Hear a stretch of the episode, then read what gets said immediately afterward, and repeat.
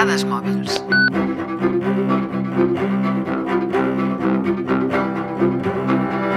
Molt sovint, al Dades Mòbils, parlem de les tecnologies que ens estan per venir o del futur que ens espera, però avui mirarem una mica enrere, només una mica, perquè per veure avenços increïbles no cal sempre mirar endavant. Aquests són alguns dels grans reptes aconseguits durant el passat 2015. Copiar i enganxar del codi genètic. La revolució dels gens ha arribat amb CRISPR, un acrònim del mètode més econòmic i ràpid, i per tant més emprat, en biologia molecular per tocar al nostre eh, gust l'ADN genètic.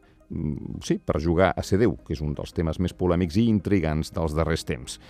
S'han editat embrions humans mitjançant òvuls fertilitzats, fet que va generar un acalorat debat sobre eh, ètica moral límits.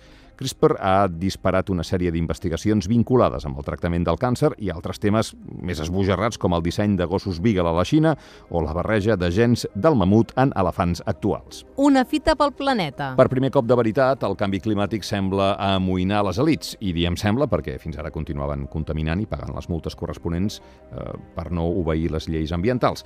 Potser se n'han adonat que ells també viuen en aquest planeta i, eh, en concret, el que es va acordar a la cimera de París del 2015 va ser la retallada d'emissions de combustibles fòssils per tal que les temperatures globals no creixessin més de 2 graus. Per primera vegada, Xina s'hi va comprometre també. Aquí tot està per veure i potser arriba tard, però és un pas no menor. Desarmament nuclear.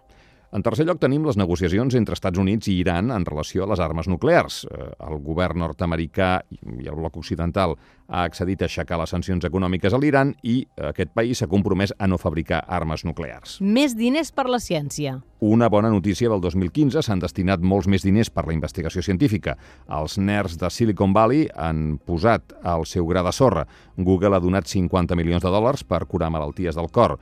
Y Combinator va obrir la YC Research Labs per tal de seguir investigant en biotecnologia. La biologia sintètica ha rebut l'esgarrifosa xifra de 560 milions de dòlars per part de grups de capital risc. I a més estan els Breakthrough Prizes, que donen un premi de 22 milions de dòlars als investigadors guanyadors.